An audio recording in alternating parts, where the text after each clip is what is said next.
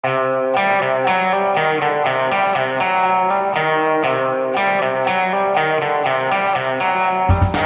visste jeg at alle disse dagene som kom og gikk, de var selve uke 38. Og vi befinner oss i dag to i regjeringssonderingene. Viktig å holde tunga rett i munnen her. Eh, og Giæver og gjengen er fortsatt på, eller skråstrek tilbake ved Hurdalssjøen hotell, hvor disse sonderingene foregår. Eh, Hanne Skartvedt, hva foregår bak disse veggene akkurat nå? Folk snakker sammen. Folk snakker sammen. og eh, I går hørte vi at det var, eh, det var, mange fra pressen som prøvde å lokke dem utpå til å få dem til å si hva som var det vanskelige og hva som var det lette. og det var ingenting nytt å få ut, bortsett fra nyheten om at uh, Trygve Slagsvold Vedum er unnfanget uh, på dette hotellet. Ja, Det var jo det gøyeste som skjedde i går. Ja, det, og det var jo en, en blank nyhet, som vi, som vi sier i, i, mediene. Men tror du Altså, i og med at dette da er sonderinger, ikke forhandlinger. Eh, når de har sondert seg fram til et eller annet, kommer de ut med en sonderingserklæring som de da skal gå videre med, eller er det Nei, da kommer de nok ut og forteller at nå skal de forhandle for å komme fram til en regjeringserklæring etter forhandlingene, dersom de lykkes i forhandlingene. Og hva Eh, hvor mye vil de da fortelle om det de har sondert seg fram til? Er vi, er vi, fortsatt like langt? Det viktigste som kommer ut av sonderingene, er om de velger å gå videre alle tre partiene, altså Arbeiderpartiet, SV og Senterpartiet, inn i regjeringsforhandlinger. Eller om de kommer til, som Erna Solberg gjorde i sin tid da hun sonderte med disse tre samarbeidspartiene hennes, Høyre, eh, Venstre, KrF og Frp, at ikke alle kan gå sammen. Så det er egentlig tre mulige utfall her. Enten at det blir Arbeiderpartiet og Senterpartiet som eh, fortsetter å forhandle, eller at det blir de tre sammen. Eller at Arbeiderpartiet må gå alene. Det var interessant. for I går eh, så stilte jo vår gamle venn og kollega Fridtjof Jacobsen spørsmål til alle tre om hvorvidt det kunne bli utfallet at f.eks. da bare Arbeiderpartiet og Senterpartiet eh, gikk videre. Eh, og da svarte Støre på det, og så tok uh, hans uh, medierådgiver Jarle Roheim Haakonsen bare avbrøt og sa at de andre ikke trengte å svare på det. ja, det, var jo... det er et svar, det òg. Det er et svar, det òg. Et forsøk på å beherske situasjonen og, og bremse mulige uheldige uttalelser. Men det er klart det er et åpent spørsmål. Det mest sannsynlige tror jeg fortsatt er at det blir en trepartiregjering. Men eh, Senterpartiet har jo hele tiden snakket om en Senterparti-Arbeiderparti-basert regjering. Der ligger det en bitte liten åpning for at også SV kan være med, men det er jo det Senterpartiet primært ønsker. Og SV må ha ganske mye av sin profil inn i en Eh, regjering for at de skal ville gå med. Så det er mange ukjente faktorer her. Og så har du dette med SV som skal ha en uravstemning blant alle sine medlemmer. Og det er ikke Senterpartiet heller noe særlig begeistra for? Nei, det er de veldig lite begeistra for. Også Arbeiderpartiet syns det er en veldig dårlig idé. Men uh, Tone Sofie, hva er den Altså, Kanskje ikke en kamel å svelge, for, eh, men i hvert fall en dromedar da, for Senterpartiet å, å, skulle svelge og ta med SV når de var såpass uh, tydelige uh, på det. Hvor, hvor vanskelig vil det være å selge innad eh, i partiet og til, til velgerne deres? Det er jo litt, eh, det litt blanda, for du har jo faktisk en, eh, en, del av partiet som gjerne vil ha med SV. Den litt sånn rød-grønne delen av partiet, om jeg kan kalle det det. Som, litt sånn historisk så var jo sånn som Vestlandet, Sogn og Fjordane, Østlandet, Innlandet var liksom mer sånn uh, orientert mot mer sånn småkårsfolk, mens det er kanskje Trøndelag og Nord-Norge og sånn tradisjonelt Ja, men har hatt litt mer av den der borgerlig orienterte eh, sida. Så, så, det er jo så for deler av partiet så er jo det her uh, nesten en seier. Og jeg tror nok erfaringene fra den forrige rød-grønne regjeringa var nok at SV og Senterpartiet fant hverandre i ganske mange saker. Og da opplevde de at det var Arbeiderpartiet som var vanskelig, særlig på sånn reformer og strukturer og syk, alt det der.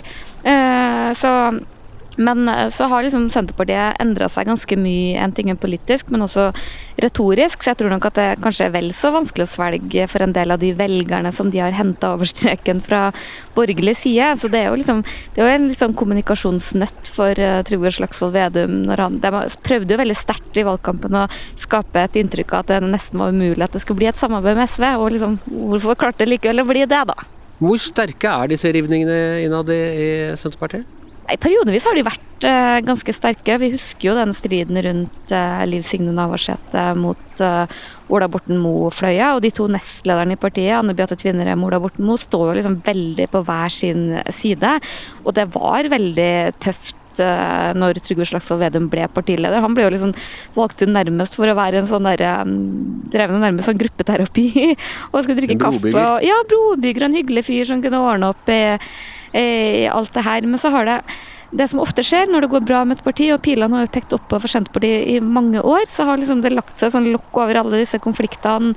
Så det er jo ofte når et parti virkelig sliter på målinger og andre steder, at, at alt det her kommer til overflaten. Og vi har jo sett litt sånn konturer av det, og det er ikke tilfeldig når du ser hvem som går ut og, og vil ha med SV, så er jo det sånn typisk eh, Lundteigen og Eh, Liv Signe Navarsete, Kjersti Toppe, som står liksom på den andre sida, mens Trønder-Senterpartiet får liksom eh, de sånne ledertrøya på den andre den høyre sida, om du kan kalle det Marit Ernstad hun er altså trønder, eh, og hun, men hun er litt mer på hva skal si, den rød-grønne delen? Ja, opplever nok at hun er mer pragmatisk. Og, og, Marit har jo vært en av de som virkelig har avvist alle tanker om at Senterpartiet skal bytte side og sånn. Så jeg opplever at hun står veldig i det rød-grønne prosjektet. Men det er heller ikke noe tvil om at sånn strategisk for Senterpartiet så er det mye bedre med en, en regjering med bare dem og Arbeiderpartiet hvor de kan hente flertall ulike steder. Det er jo først og fremst for Arbeiderpartiet at det er en fordel med en flertallsregjering med alle de tre partiene. Det var interessant. Anne Enger, tidligere Anne Enger Landstein, var jo ute i går og anbefalte nettopp samarbeid med SV. Det var jo hun som i sin tid tok Senterpartiet ut av Jan P. Syses regjering høsten 1990. Jeg var på Stortinget den kvelden det skjedde, det var stort drama. Og valgte Gro den gangen. Så hun er en klassisk rød-grønn. Hun anbefaler nå altså Senterpartiet å gå sammen med SV. Det syns jeg er interessant. Samtidig er jo Anne Enger Landstein også eh, hva skal du si, moren til hele den eh, nasjonale delen av eh, Senterpartiet. Det var hun som klarte å, å, virkelig vekke følelsene under mye sterkere enn SV eh, under eh, forrige EU-kamp. Og, og, fikk mye altså Hun ble høyt elsket, men også fikk, eh, fikk mye tyn for det. Så hun, stå, hun, er på en måte en sånn mellomposisjon, hun også, i, i Senterpartiet. Men hun er veldig rød-grønn i sjela. Hun var jo nei-dronningen. Det var jo hun som mener jeg skal ha mye av æren eller skylda, alt etter hvordan man ser det, for at Norge ble stående. Du mener skylda? Ja, faktisk, det mener jeg. Utenfor EU. Hvor vanskelig er dette for SV, Tone Sofie? De er jo eh, Altså nå har de et eh, temmelig selvsikkert og, og sterkt rødt plutselig ved sin side. Ikke bare én representant, men åtte stykker. Eh, som skal holde dem i venstre øre, som de som de sier. Og det, det, er vel ganske grenser for hvor langt inn mot uh, sentrum de, av, av, denne konstellasjonen de kan gå? Ja, men for uh, SV så er det her også på mange måter enklere, for det handler rett og slett om politikk og, og gjennomslag. Og det er, en, det er, jo en, krevende situasjon for dem på Stortinget med at Rødt er blitt så stort, men også MDG er jo tross alt tredobla og tre ganske markante klimapolitikere som uh, som nå kommer inn. Så de vil jo på en måte merke at de er ikke alene om å være i opposisjon hvis de havner der. Det kan bli mange å konkurrere med oppmerksomheten eh, om. Men, men, men, SV har ikke hitt seg sjøl den, den, samme fallhøyden. Jeg opplever også at SV er mye mer sånn eh, spissa strategisk enn de var. Eh, sist eh, later nesten som at det egentlig ikke betyr så veldig mye for dem å komme i regjering, og mye mer sånn eh, hard to get. Men jeg tror også de har blitt lært ganske mye av de tabbene sine og kommer til å være mye mer sånn strategiske forhandlere. Da. Det, er, det er slutt på sånn utrydde fattigdommen med pennestrøkformuleringer. Ja.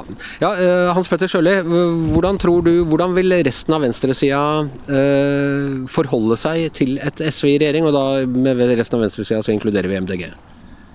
Nei, de vil jo, vil jo, prøve å markere seg så godt som mulig. Da. Og de vil vel, SV har jo havna i en litt sånn kjip situasjon også. fordi Hvis de nå må begynne å gå med på en del ting som er upopulært blant venstrevelgere, så står jo eh, Rødt klar på Hvis de ikke leverer på ulikhet, og sånn, så står Rødt klar med sine ting. Og hvis de ikke da leverer på klima, så står MDG klar. Så at eh, SV er jo ikke noen sånn drømmeposisjon heller. Så det, det kan jo også være med på å forklare hvorfor de ikke er så Eh, virker så veldig fram. Jeg, veldig, jeg synes Når du ser på eh, Lysbakken og Kono, så syns de virker så ja, sånn casual. Sånn eh, lave skuldre og sånn. Hvis jeg ikke går, så er det ikke noe stort problem, det heller. Sånn at jeg tror nok de er Men, men samtidig så er, så er de jo, er de jo såpass på venstresida. Altså, de, de mener jo at ved at de andre partiene er der også, så har du jo også en større kraft derfra også, da, for å få gjennom SV-saker i regjering. Så, så, det er jo liksom både òg for, for SV her. Og så er det deres måte å vise at de skiller seg fra nettopp Rødt, som roper høyt, og det er det de driver med, og MDG, som, eh, som er klima, men bare klima. For SV å vise at de faktisk tar ansvar og oppnår resultater, er også en veldig gulrot inn i denne regjeringa. Men som Hans Petter sier, de må jo ha ordentlige resultater å vise til. Hva tror du blir de vanskeligste punktene nå? Jeg tror f.eks. rovdyr ikke blir så vanskelig som jeg har tenkt lenge. For der tror jeg at det handler mye om å få gjennomført det rovdyrforliket som ligger der, og som de mener at Venstre i eh, Miljøverndepartementet ikke har håndhevet. Det å få liksom tatt ut de rovdyra som ligger i det forliket, da er mye gjort, tror jeg. Og så er ikke SV like beinharde på å forsvare ulven og andre rovdyr som det Venstre var. Så det tror jeg kanskje løser Helseforetakene tror jeg blir en kjempenøtt, for SV og Senterpartiet er enige om å avvikle dem, mens Arbeiderpartiet er nok ganske opptatt av å bevare den modellen som som ligger der. Så er det klart klima, oljeutvinning, diesel, CO2-avgifter, den type ting blir vanskelig. Så tror jeg EØS og forholdet til Europa, der er det veldig store skiller. Der er jo både SV og Senterpartiet mot EØS, men Arbeiderpartiet er så tydelig på at det må de ha. Så det, det, tror jeg nesten at det, altså det blir ikke noe stridsspørsmål om norsk medlemskap i, eller norsk opprettelse av EØS-avtalen. Men det er klart det ligger jo ting der rundt strømkabler og den type ting som kan bli veldig vanskelig. Ja, og det var nettopp det vi skulle snakke litt ekstra om. Eh, Hans Petter, du hadde en interessant eh, kommentar i, eh, i VG i går, eller den ble kanskje lagt ut allerede på, på onsdag. Hvor du skrev om, om Norge først med Jonas og hvordan internasjonalisten og den fransktalende Jonas Gahr Støre, som da har hatt internasjonale stillinger og, og uh, er opptatt av nettopp av EU og Nato og, og i det hele tatt, kan lede noe så, en regjering som får et av de mer nasjonalistiske pregene eh, i Norge på lang, lang tid. Ja, Det er et morsomt paradoks, egentlig. der. det er jo ikke bare at han er fransk og, og liksom er en sånn Men han er også en sånn verdensmann av type, og en slags eh, inkarnasjon på, på det som eh, de der i kommentarfeltene kaller globalismen.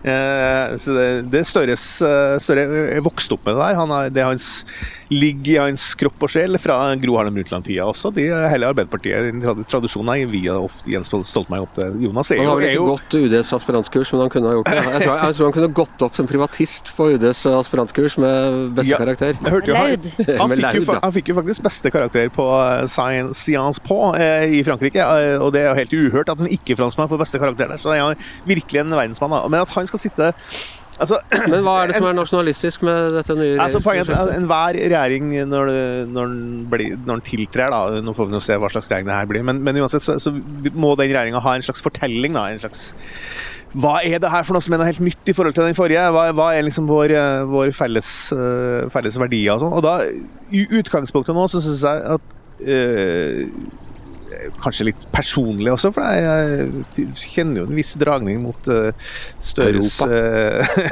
Støres uh, skal vi si credo, da. Men, men altså, de, de, har da vært veldig ute og, og markert f.eks. med utenlandskabler i forhold til strøm, og i forhold til EUs fjerde jernbanepakke, som også var en sånn symbolsak da, sant, som er viktig for, det, for de EU-motstanderne å være mot. Det, altså Bare for å ta det kjapt. Altså det er hvor, hvorvidt vi nå skal beholde krafta i Norge under ja. strømkrisen. Og så er jernbanepakken ja, så det er, jo, det, er en, det er, jo, en, måte å eh, Det er, litt, det er jo fortellinga rundt det òg. Er det her en måte å lage et mer sømløst jernbanesystem i hele Europa, eller, eller handler det om konkurranseutsetting av anbud og sånt? Så det er, jo, det er jo forskjellige fortellinger. Men det er jo vedtatt av Stortinget fra før, så, og, og den sittende regjering skal jo gjennomføre det. da. Men det har i hvert fall vært i hvert fall mitt inntrykk at i starten, opptrekket til det nye et, etter valget, da, så, så, har det vært liksom mye sånne saker som har dominert. da. Uh, og jeg kjenner på i hvert fall folk som i Arbeiderpartiet og så ser litt bekymra på at det her skal vi nå gå inn i en sånn proteksjonistisk nei-regjering, liksom? Det, det, har jo Arbeiderpartiet har jo alltid vært den som har vært garantisten for, for en, et europafokus, for et Nato-fokus, for liksom eh, Ja, at vi, Norge er et land i verden, og, og med multilaterale avtaler. Eh, vi deltar på Mens, mens da, Senterpartiet har jo alltid vært veldig sånn introvert i, i, i sin politikk, og, og SV er da også eh, sånn som jeg tolker mer sånn nostalgiske EU-motstandere. Det, det, var den store seieren i 72 de som båret seg fram. Så, så det, vi, og nå er Arbeiderpartiet svekka. Eh, Senterpartiet er veldig styrka. Og Støre er jo en dialogens mann, men en, en som evner å sette premissene for dialogen, det er litt usikker. Hva tror du, Tone Sofie? Det, blir Jonas Gahr Støre leder for den første Norge først-regjeringen? Er han en norsk Trump? Nei, det er definitivt ikke. Men, eh, men, det er jo ikke så lett heller, da. Jeg skjønner jo at eh, den diskusjonen om eh, strøm kommer opp. For at, at veldig mange har veldig vanskelig for å forstå de høye strømprisene. Skapes et bilde av at vi sender ut strømmen til Europa, vi betaler dyrt, for lite igjen. At vi ikke bruker det, de ressursene til vår industri. Det er jo også et en måte å tenke på som også har uh, fått gehør langt inn i Arbeiderpartiet. Det er ikke noe ja, bare ja, vi har høye bensinpriser til tross for at vi Ja, ja, absolutt. Ja. Og det er jo også litt det nye Senterpartiet så Nye toner fra dem har jo vært at vi skal liksom skåne distriktene for høye dieselpriser og sånn. Så jeg tror jo at det her oppleves som et sånn stort dilemma. Og selv om man kan argumentere sikkert klokt og sånn for disse strømkablene og sånn, så for folk så tror jeg det er litt sånn, liksom vanskelig å forstå, da. Men vi er forplikta altså av internasjonale avtaler. Det er ikke det er ikke bare en idé? Noen Jo, men, eh, men, at det liksom også er litt sånn tidens melodi at uh, internasjonale avtaler gjør det vanskelig for oss, gjør det vanskelig for å opprettholde den politikken og det som er fornuftig for nordmenn. Det er sånn, uh, Jeg har forståelse for at det er en, At det går an å selge inn den ja, retorikken? Ja, ja, ja, at det er kanskje litt sånn lettere sagt enn gjort uh, også med det sånn jernbanepakke. Da, så kan du også skjønne at det er en viss skepsis når du ser ut i Europa med all den fragmenteringa av jernbane og sånn, at gode gamle NSB var kanskje ikke så dumt lell. De var var aldri presis, men de var eh, til å stole på likevel. Ja, altså Togtilbudet ute i Europa er jo ekstremt mye bedre nå enn det var før. Altså, å reise med tog i Europa nå er helt vidunderlig. Altså, det, det er den beste måten å referere på. Eh, men, men altså, Arbeiderpartiet sliter jo med også internt for fagbevegelsen er jo veldig på, med kraft. ikke sant? Og du har, de, er jo også pressa fra venstresida, for Rødt, ikke sant? som også har sterke der Rødt har jo en, helt ekstremt sterk, uh, hard retorikk på sånne ting. ikke sant? Så det, så det er bare litt sånn, eh, det tenker jeg at folk er litt bekymra for. da, at Den forrige regjeringa var jo Høyre har jo, er jo liksom sammen med Arbeiderpartiet vært det, det partiet som har liksom sørga for eh, ja, at vi er orientert ut mot verden. da, Men også KrF og Venstre er jo tydelige EØS, ja til EØS-parti, og også delvis ja til EU-parti i Venstres tilfelle. da. Mens her da, så blir da Støre sittende sammen med liksom to sånne liksom, liksom introverte grinebitere på sida som skal liksom sånn være ute og klage på alt mulig rart som kommer fra EU. og det er liksom, det er også som NHO sa her eh, forrige dagen, at det er jo litt rart da, den første regjeringa, den, den, kommende regjeringa eh, setter fingeren på, er liksom å eh, sette i gang en, en, en, konflikt med EU eh, allerede før de liksom har landa en regjeringserklæring. Det, det, er unorsk og veldig Ja, det er mange i Arbeiderpartiet som syns det er litt Helt problematisk. Helt unorsk syns jeg ikke det er, men Veldig unorsk, vil jeg si. okay. ja, Men det er jo ko-ko, som en viss påtrodd eh, statsminister ville sagt. Det som er underlig, er jo at et parti som SV de burde virkelig være for både strømkabler av hensyn til klima, de har jo klima og fordeling øverst. Og klimapolitikken så er det klart at det at eh, Norge sender strøm, ren strøm ned til Europa, hvor de fyrer med kull og annen eh, utslippsmøkk, så er, burde de være definitivt for det. Og SV burde jo også være mye mer for internasjonalt samarbeid enn de er, som en, eh, en venstreorientert bevegelse som er opptatt av internasjonal fordeling, klima, miljø, den type ting. Så det er jo egentlig et mysterium Hans Petter, at ikke de er et annet sted. Nå må du gi litt motvekt til denne ja, jeg kan si Dere høres uh, litt ut som Gro Harlem Brundtland som sa det at bare folk hadde mer kunnskap om EU, så ville alle være for. Ja, er, ikke dette, er, ikke dette, globalismen i et uh, nøtteskall? Liksom? Folk må bare skjønne at det er best for dem at, å betale mye strøm i det, i det, lange løp? Nei, Jeg tror folk flest er fornuftige og skjønner mye, men eh, det jeg, jeg syns er rart, er at SV med sin, sitt ideologiske ståsted ikke De mener jeg ikke skjønner ordentlig hva som er i tråd med deres ideologi når det gjelder forhold til Europa. Det som også er, er helt påfallende, er jo at de som er på en måte forbildene for regjeringa her, altså for det, det, det, prosjektet her, er jo f.eks. Mette Fredriksen i Danmark. Sant? statsministeren, Sosialdemokratiske statsministeren i Danmark. Og hun er jo helt pasjonert EU-tilhenger. Uh, og det har du jo også i andre partier, eh, som, som SV-partier. Til og med Venstrepartiet i Sverige, som på en måte er mer nærmere Rødt egentlig enn SV, EU, er har jo en sånn borgfrihet om EU-spørsmålet. Det, er ikke noe, mas om å trekke Sverige ut av EU. Så, så nedover på kontinentet så er jo den venstresida veldig pro-europeisk eh, samarbeid, mens i Norge er det omvendt. Og det, det jeg mente da jeg skrev det med America first, Norge first, Må ikke, var ikke beskylde de her for å være Trump på noe vis. Men det er bare at Men er det, er det, er det en bit av den samme viruset? Ja, det er det. Fordi at, men, men, du har en annen farge på det. ikke sant? Eh, her er det, er det, er det venstresida som, som, dominerer på en måte i, i de debattene, mens det, i andre steder er det helt unge. Og dette skrev du allerede da Vedum begynte å ta av og få Senterpartiet i, i fremgang for uh, noen år siden, Hanne. Så skrev du at det var jo bra hvis uh, det var Senterpartiet og et stort demokratisk borgerlig parti som klarte å fange opp de mer sånn, jeg vil ikke si nasjonalistiske, men nasjonale strømningene som som vi ser rundt i hele verden, og som det hadde vært veldig rart om man ikke skulle oppleve i Norge. Også. Ja, jeg kalte vel eh, Slagsvold Vedum som nå i nærheten av en vennligsinnet norsk variant av Donald Trump. Ja. En vennligsinnet Trump. Eh, det er klart at det at den type krefter, som vi ser i veldig mange steder i både Europa og i verden for øvrig, særlig i USA, at de får utløp i en fyr som Slagsvold, Trygve Slagsvold Vedum og et parti som Senterpartiet, er jo langt bedre enn at det blir et høyrepopulistisk, eh, introvert parti som er mye mer lefle med mer skumle krefter. Så det står jeg fast på. Ja, og Vi må jo si til Senterpartiets forsvar at det er jo et båndpragmatisk parti, egentlig. ikke sant? De er jo, de er jo vant til å ha makt, og de, de vet å forhandle og sånne ting. og, det, og Bare de får liksom til sine ting, så er de med på Vi har jo hatt samtaler, hatt samtaler med mange ledende Senterpartipolitikere som sier at å gå ut av EØS, det er bare noe vi snakker om. Sånn ser han på bakrommet. Noen av dem, sant? Og det er liksom sånn, fordi Senterpartiet har alltid leverage. Sånn, de har, går alltid inn i forhandlinger med sånn tru, det skal true og gjøre noe radikalt, men egentlig er jo Senterpartiet ekstremt pragmatisk og også ganske sånn konservativt i, i, i formen. Da. Og dyp respekt for demokratiet, selvfølgelig. Som alle norske partier eh, innenfor parlamentet har. Så denne nasjonale bølgen, eller Norge først, det er mer et slags ferniss øh, rundt eh, regjeringsprosjektet, mer enn en reell øh, vridning av politikken? Jeg håper jo det, men, men det, er jo, det, er jo, som jeg har begynt med, det, at det er jo, alle sånne regjeringsprosjekt har jo en, et narrativ, da, som sier, en fortelling rundt seg. og jeg, tror tror altså, Mange i Arbeiderpartiet som er, er gamle EU-forkjempere, som syns det er litt kjipt hvis regjeringa får det stempelet på seg at det her er nei-regjering. Så.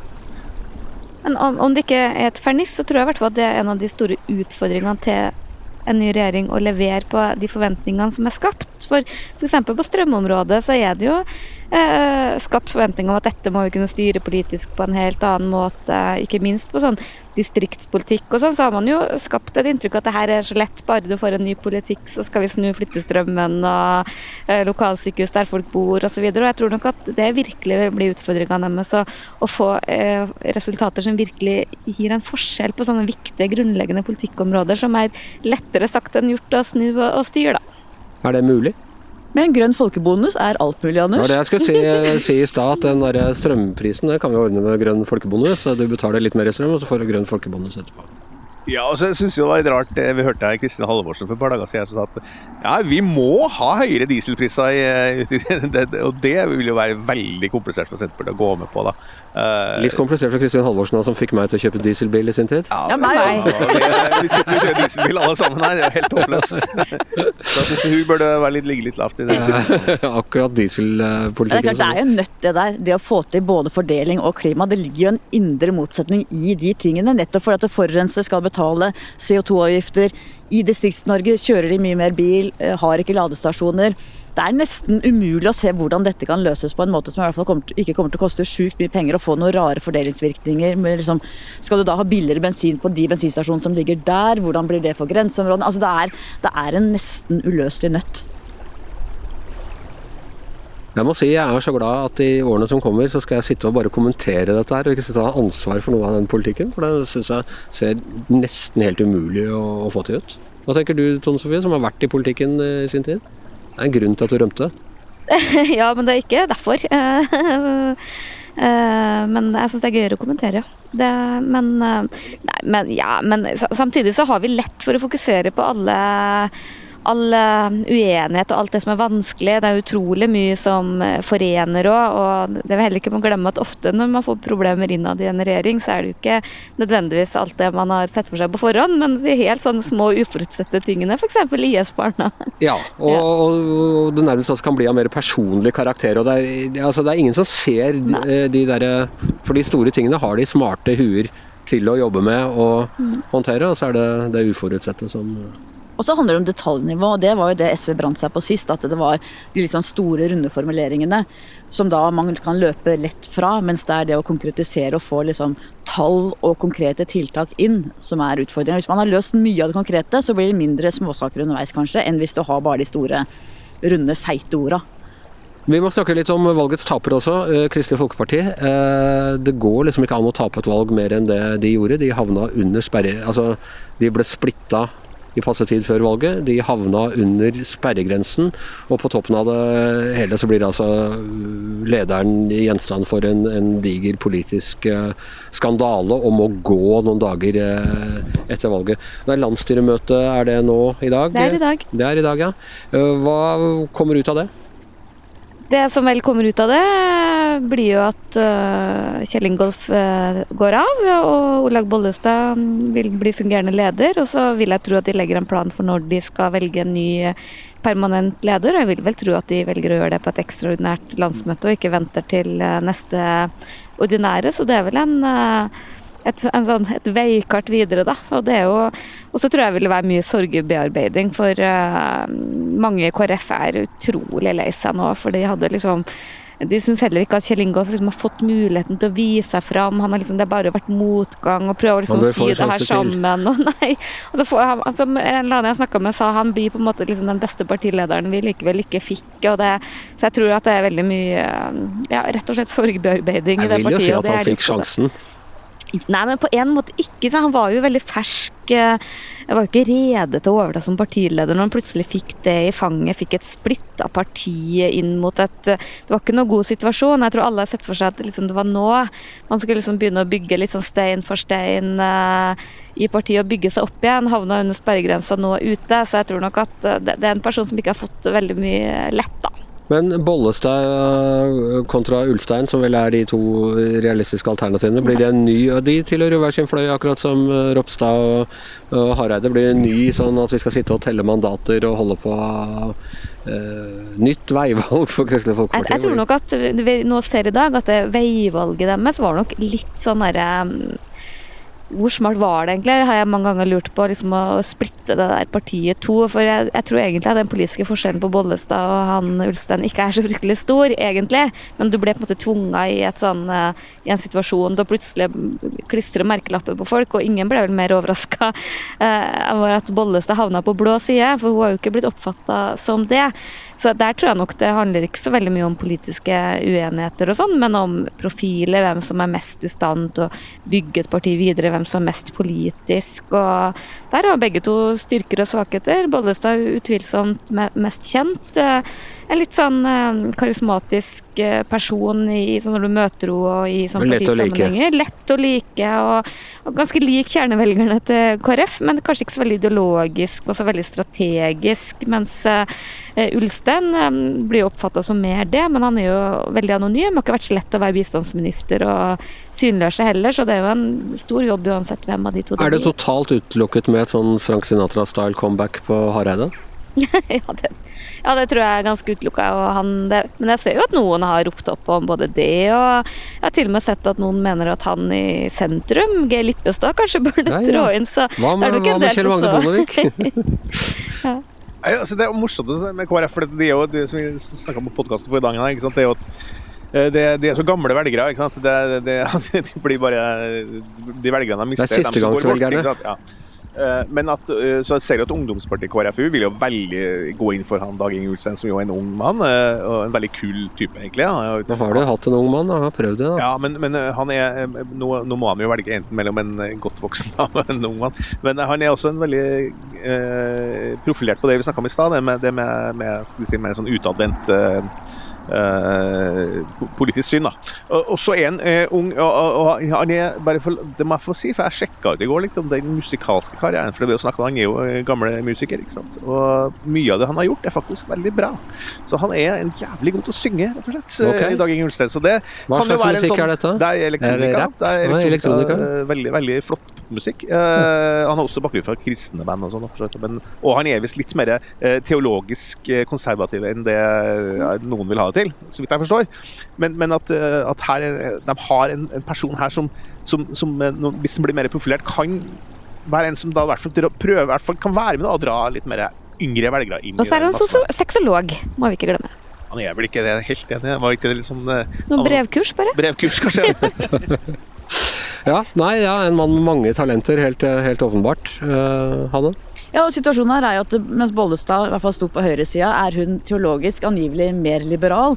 Mens Ulstein er eh, på venstresida i KrF, men er da teologisk som Hans Petter er inne på, eh, mer konservativ. Så de får på en måte en sånn kryss hvor du krysser av på konservativ på hvert sitt vis. da begynner å få et sånn venstresyndrom på KrF. At uansett hvor små de er, så, så er det alltid rom for kjempespenninger innad det, det bitte lille partiet? Jeg syns vi ser det ofte, at jo mindre parti, jo mer splittelse, jo mer fraksjoner og jo mer strid. Det er, da er det liksom de siste dagers hellige.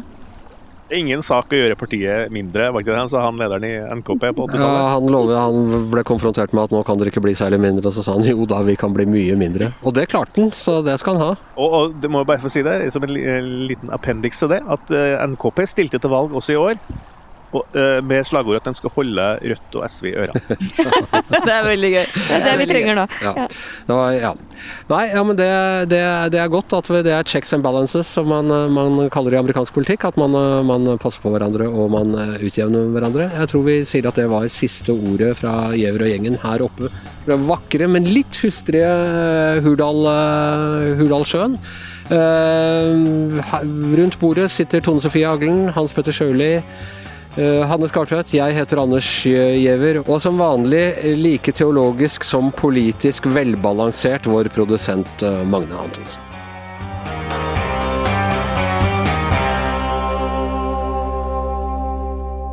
Du har hørt en podkast fra VG.